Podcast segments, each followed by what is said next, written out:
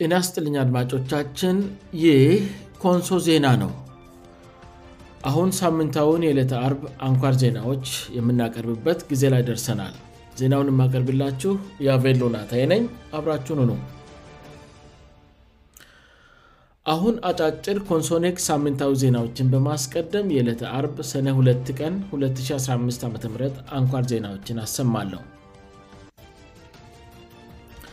የኮሌራ ወረርሽኝ በኮንሶ ዞን በኮንሶ ዞን የተከሰተው የኮሌራ ወረርሽኝ ትኩረት እንደሚሻ የተገለጸው በዚሁ ሳምንት ነው በኮንሶ ዞንእና በሌሎች አጎራባዥ አካባቢዎች የኮሌራ ወረርሽኝ መከሰቱን ና በከፍተኛ ፍጥነት እየተስፋፋ መሆኑን ከዚህ ቀደም መዘገባችን ይታወሳል ይሁንና በዚህ ሳምንት የተለያዩ የኮንሶ ምሁራንእና የጤና ባለሙያዎች ጉዳዩ ልዩ ትኩረት እንደሚሻ በማኅበራዊ ትስር ገጾቻቸውእና በተለያዩ መንገዶች እያሳውቁ ይገኛሉ ወረርሽኑን ለመከላከል ተብሎ እንደ ሰገን ዙሪያ ወረዳ ባሉ አንዳንድ የኮንሶ ዞን አካባቢዎች ትምህርት ቤቶች ገበያዎች የትራንስፖርት አገልግሎት ምግብ ቤቶች እና ሌሎችም ህዝባዊ አገልግሎት የሚሰጡ ተቋማት መዘጋታቸው ባለፈው ሳምንት የወጡ መረጃዎች ያመለክታሉ በዞን መንግስት በኩል ባለፈው ሳምንት አካባቢ የተወሰኑ የግንዛቤ መፍጠሪያ ምቅናቄዎች ከመደረጋቸው ባለፈ ችግሩ በምን መልኩ እየተቀረፈ እንዳለና ጉለቶችም ስለመኖራቸው በቅርቡ የተሰጠ መረጃ የለም በኮንሶ ና በድራሴዝ መካከል የተደረጉ ምክክሮች በኮንሶእና በደራሸ ህዝቦች መካከል ባለፈው ሳምንት በተለያዩ የማኅበረሰብ ክፍሎች ደረጃ ሲደረጉ የነበሩ የምክክርና የአንድነት ስብሰባዎች በዚህ ሳምንት ቀጥለው መደረጋቸው ታውቋል ባለፈው ሳምንት በአገር ሽማግሎች ና በሃይማኖት አባቶች የጋራ ምክክር የተጀመረው የአንድነት ጊዜ በሴቶችና በወጣቶችም መቀጠሉ ባለፈው ሳምንት መዘገቡ ይታወሳል በዚህ ሳምንትም የዚሁ አካል የሆኑ የምክክር መድረኮች በሁለቱ ህዝቦች ነጋዴዎች መካከል መደረጋቸው በኮንሶ ዞን የመንግስት ኮሚኒሽን መስሪያቤት በኩል ተዘግበዋል በነጋዴዎቹ የምክክርና የአንድነት መድረክ እድገት የሚመጣው በመስራት መሆኑንና ለመስራት ደግሞ ሰላም እጅግ ወሳኝ መሆኑ ተገልጿዋል የንሶዞን ፖሊስ መምሪ የኮንሶ ዞን ፖሊስ መምሪያ የፖሊስ ተቋሙን አሰራር ማሻሻልና ማጠናከር ስለሚቻልበት ሁኔታ ውይይት መደረጉ የተገለጸው በዚሁ ሳምንት መግቢያ ላይ ነበር የኮንሶ ኮሚሽን መስሪያ ቤት የጸጥታ ኃላፊን ጠቅሶ እንዳስታወቀው ውይይቱ ሙያዊ ዲስፕሊን የኃላፍነት ተግባር አፈፃፀም ጉለትን ማድረም የጸጥታና የሰላም መደፍረሶችን መከላከል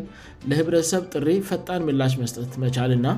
ሌሎች ተያያጅ ጉዳዮች ላይ ያነጣጠረ መሆኑ ተገልጿዋል በመንግሥት በኩል ፖሊስን በዘመናዊ መልክና ቁመና ማደራጀት የተመለከቱ የሪፎርም እርምጃዎች እየተከናወኑ መሆኑም ተገልጿል ይህ ኮንሶ ዜና ነው አድማጮቻችን አሁን በዝርዝር የሚቀርቡ ዜናዎችን አሰማለሁ በቅድሚያ ርእሰ ዜናዎችን እነሆ ከቀጣዩ ዓመት በጀት ውስጥ 281 ቢሊዮን ብሩ የበጀት ጉለት ነው ተባለ በትግራይ ክልል ተቋርጦ የነበረው የምግብ እርዳታ እንዲጀመር አቶ ጌታቸው ረዳ ጥያቄ ያቀረቡ ናይጄሪያ የዩኒቨርሲቲ መምሄራን ከተማሪዎቻቸው ጋር ፆታዊ ግንኙነት እንዳይጀምሩ የሚከለክል ህግ አወጣች አሁን ዜናውን በዝርዝር አሰማለሁ ከቀጣዩ ዓመት በጀት ውስጥ 281 ቢልየን ብሩ የበጀት ጉለት ነው ተባለያ ለቀጣዩ በጀት ዓመት ከቀረበው 8165 ቢሊየን ብር አጠቃላይ በጀት ውስጥ 281 ቢሊዮን ብር የሚሆነው ያልተጣራ የበጀት ጉለት መሆኑ ተገልጿል የገንዘብ ሚኒስትሩ አቶ አህመድ ሽደ ትላንት ለህዝብ ተወካዮች ምክር ቤት በቀረቡት የበጀት ሪፖርት እንደገለጹት ለ2016 በጀት ዓመት የቀረበው አጠቃላይ በጀት አብዛኛው ከሀገር ውስጥ የገቢ ምንጮች የሚሸፍን ነው ነገር ግን ለበጀቱ መሸፈኛ ይገኛል ተብሎ በታቀደው አጠቃላይ ገቢእና ወጪ ይሆናል በተባለው 8165 ቢልየን ብር መካከል 281 ቢልየን ብር ያልተጣራ የበጀት ጉለት መኖሩን ተናግረዋል ይህ የበጀት ጉለት የሚሸፈነው ከሀገር ውስጥና ከውጭ ብድር እንደሚሆን የጠቀሱት ሚኒስትሩ ከአጠቃላይ የበጀት ጉለት ውስጥ 39 ቢልየን ብር ከውጭ ብድር እንደሚሸፈን ተናግረዋል የተቀረው 242 ቢልየን ብር ደግሞ ከሀገር ውስጥ ብድር እንደሚሸፈን ገልጸዋል ይገኛል ተብሎ ከታቀደው የአገር ውስጥና የውጭ ብድር ውስጥ 537 ቢልዮን ብር የሚሆነው ተመልሶ ለአገር ውስጥና ለውጭ ዋና ብድር ክፍያ የሚውል በመሆኑ የበጀት ዓመት የተጣራ የበጀት ጉለት 227 ቢሊየን ብር እንደሚሆንእና ይህም ከአጠቃላይ የሀገር ምርት ያለው ድርሻ 21 በመ0 መሆኑን ተናግረዋል ለበጀት ጉለቱ መሸፈኛ የሚሆነው አብዛኛው ብድር ከሀገር ውስጥ ምንጮች የሚወሰድ ከመሆኑ አኳያ የዋጋንረት ሊያስከትል የሚችል ቢሆንም ዋጋን ረት ላይ የጎላ ተጽዕኖ እንዳይፈጥር ብድሩ በግምጃቤት ሰነድና የመካከለኛ ዘመን በወንድ በመሸጥ ለማግኘት መታቀዱንም ገልጸዋል ይህ ኮንሶ ዜና ነው በትግራይ ክልል ተቋርጦ የነበረው የምግብ እርዳታ እንዲጀመር አቶ ጌታቸ ረዳ ጥያቄ ያቀረቡ የዓለም የምግብ ፕሮግራምእና የአሜሪካ ዓለም አቀፍ የልማት ተራዲዮ ድርጅት በትግራይ ሲያከናውኑ የነበረውን የምግብ እርዳታ ከአንድ ወር በፊት ማቋረጣቸውን ተከትሎ እርዳታው በድጋሚ በሚጀመርበት ሁኔታ ላይ የትግራይ ጊዜዋ አስተዳደር ና የአፍሪካ ቀንድ ልዩ መልክተኛን ከያዘ ልውክ ጋር መወያየታቸው ተገልጿል በተራዶ ድርጅቶቹ የሚሰጡት የምግብ እርዳታ ለሌላ ዓላማ እየባለ እንደሆነ በመግለጽ እርዳታቸውን በትግራይ ክልል አቁመው የድርጅቱ ከፍተኛ ኃላፊዎችእና አሜሪካን ጨምሮ የአገሮች መንግሥታት በድርጊቱ ላይ ምርመራ እንዲያካሄድ ሲጠይቁ እንደነበር የሚታወስ ነው የአሜሪካ የአፍሪካ ቀንድ ልዩ መልክተኛ አምባሳደር ማይክ ሃመር ባለፈው ሳምንት ጀምሮ በጅቡቲ ጉብኝት ያካሄዱ ሲሆን በኢትዮጵያም ግንቦት 28 ቀን ከትግራይ ጊዜያዊ አስተዳደር ፕሬዝደንት አቶ ጌታቸው ረዳ ጋር መወየታቸው ተገልጿል አቶ ጌታቸው በማኅበራያዊ ትስር ገጻቸው እንደገለጹት አምባሳደር ማይክ ሃመር እና የአሜሪካ ኤምባሲ በኢትዮጵያ ጉዳይ ፈጻሜ ትሬሲ ጃኮፕሰን መቀለን ሲጎበኙ በተለያዩ ጉዳዮች ላይ ገለጻ አድርገውላቸዋል አቶ ጌታቸው እንዳጋሩት መረጃ አንደኛው ገለፃ ያደረጉላቸው ጉዳይ የምግብ እርዳታውን ለማቆሙ ምክንያት የሆነው ለታለመለት አላማ ያለመዋሉን በሚመለከት ጊዜው አስተዳደሩ ምርመራ እያደረገ እንደሆነና በተደረገው ምርመራ ያገኙትን ውጤቶችም ለልዑቅ ቡድኑ ማጋራታቸውን አሳውቀዋል ግኝቱን ለህዝብ ይፋ እንደምናደርግና በቅርቡም እጃቸው ያለበትን ተጠያቄ እንደምናደርግ አረጋግጠንላቸዋል ብለው የገለጹት አቶ ጌታቸው አሜሪካ እርዳታውን ለክልሉ ህዝቦች ማድረሷን መልሳን እንድትጀምርም ጥያቄ ማቅረባቸውን ተናግረዋል በዚህ ሳምንት ሰኞ እና ማክሰኞው ግንቦት 28ና 29 ን2015 ዓ ም ከጅቡቲ መልስ በኢትዮጵያ ጉብኝት ያደረጉት አምባሳደር ማይክ ሃመር ከትግራይ ጊዜው አስተዳደር በተጨማሪም በመቀለ በሚገኝ የተፈናቃዮች መጠላያ ጣቢያ ጉብኝት ማድረጋቸው ታውቋል በተጨማሪም የውጭ ጉዳይ ሚኒስቴር እንዳሳወቀው ልዩ መልእክተኛው ከሚኒስትር ደኤታ አምባሳደር ምስጋኑ አረጋ ጋር ማክሰኞ ግንቦት 29 ቀን 2015 ዓም ተገናኝተው የሁለቱ ሀገሮች ግንኙነት በማጠናከር ላይ ያተኩረ ውይይት አድርገዋል የዓለም ምግብ ፕሮግራም የኢትዮጵያ ቢሮ የኮሚኒኬሽን ኃላፊዋ ኬለር ነቪል ለሪፖርተር ጋዜጣ በላኩት መልእክት ለእርዳታ የተላከው ምግብ በገበያ እየተሸጠ መሆኑን ማስረጫ በማግኘቱ ተቋሙ ድጋፍ ማድረጉን ማቆሙን ተናግረው የህይወት አድን የሆኑ ምግብ ለሚያስፈልጋቸው ዜጎች እንዳይዳረስ የሚያደርግን እክል ለማስቆም አጠናክረው እንደሚሰሩ ገልጸዋል ህይወት አድን ምግብ እርዳታው ከዚህ በኋላ እንቅፋት እንዳይገጥመው ሁሉን አቀፍና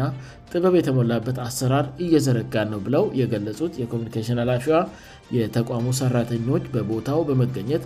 ከሚመለከታቸው አካላት ጋር ድጋፍ መልሶ በሚጀመርበት ዙሪያ ላይ በቅርበት እየሰሩ መሆኑን ተናግረዋል የተቋሙ በኢትዮጵያ ዋና ዳይረክተር ክላውድ ጅብዳርና ምክትላቸው ጀነፈር በቶንዴ በትግራይ የምግብ እርዳታ ከመቋረጡ ጋር በተያያዘ ከስራቸው በፈቃዳቸው ለቀዋል ተብሎ በተለያዩ የሚዲያ ተቋማት ሲዘገብ የቆየ ሲሆን ሪፖርተር ያነጋገራቸው የኮሚኒኬሽን ሃላፊዋ ግን ይህ እውነት እንዳልሆነ ና በተቋሙ ምንም አይነት የከፍተኛ አመራር ሥራ መልቀቅ እንዳልተካሄደ ተናግረዋል ዳይሬክተሩ ክላውደ ረፍት ላይ ሲሆኑ የዓለም ምግብ ፕሮግራም ሠራተኝነታቸውም ይቀጥላል ጀነፈርን ጨምሮ ሁለቱም ምክትል ኃላፊዎች በቦታቸው ነው ያሉት ብለው የገለጹት ክለር ለተቋሙ ምንም አይነት የሥራ መልቀቅ ማመልከቻ እንዳላስገባ በመግለጽ ማክሰኞ ግንቦት 292015 ዓም ለሪፖርተር ጋዘጣ መልእክት ልቀዋል ይህ ኮንሶ ዜና ነው በመጨረሻም ናይጄሪያ የዩኒቨርስቲ መምህራን ከተማሪዎቻቸው ጋር ፆታዊ ግንኙነት እንዳይጀምሩ የሚከለክል ህግ አወጣች ናይጄሪያ ከተማሪዎቻቸው ጋር ፆታዊ ግንኙነት የሚጀምሩ የዩኒቨርስቲ መምህራን በ14 ዓመት የሚቀጣ ህግ አውጥታለች ተሰናባቹ የናይጄሪያ ህግ አውጭ ምክር ቤት ቦታውን ለአዲስ መጪ ምክር ቤት አባላት ከማስረክቦ በፊት አነጋጋሪ ህግ ማስደቁ ተገልጿል እንደ ቢቢሲ ዘገባ በናይጄሪያ የዩኒቨርሲቲ መምህራን ተማሪዎችን በግረድ በማስፈራራት ፆታዊ ግንኙነት ማድረግ እየተስፋፋ መጥቷል ይህን የተረዳው የሀገሪቱ ምክር ቤት የዩኒቨርሲቲ መምህራን ከተማሪዎቻቸው ጋር ፆታዊ ግንኙነት እንዳይመሰርቱ የሚከለክል ህግ አውጥቷል አዲሱ የናይጄሪያ ፕሬዝደንት ቦላ ቲኑቡ ይህን ህግ ፈርመው እንደሚያጸርቁት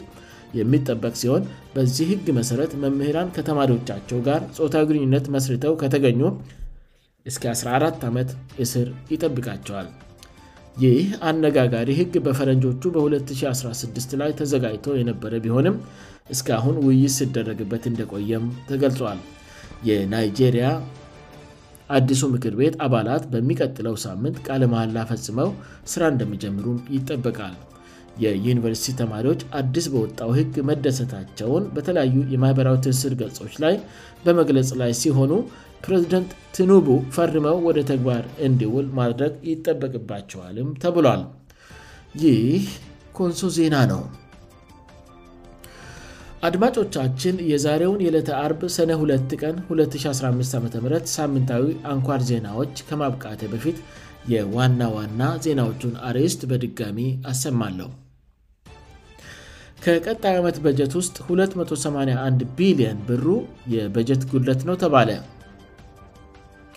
በትግራይ ክልል ተቋርጦ የነበረው የምግብ እርዳታ እንዲጀምር አቶ ጌታቸው ረዳ ጥያቄ አቀረቡ ናይጄሪያ የዩኒቨርሲቲ መምህራን ከተማሪዎቻቸው ጋር ፆታዊ ግንኙነት እንዳይጀምሩ የሚከለክል ህግ አወጣች ዜናው በዚያ በቃ አድማጮቻችን ሳምንታዊ የዕለተ አርብ አንኳር ዜናዎቻችን ይህን ይመስሉ ነበር ስላዳመጣችሁን እናመሰግናለን ኮንሶ ዜና በቀጣይ አርብ በተመሳሳይ ዝግጅት እንደሚጠብቁ ተስፋ ያደርጋል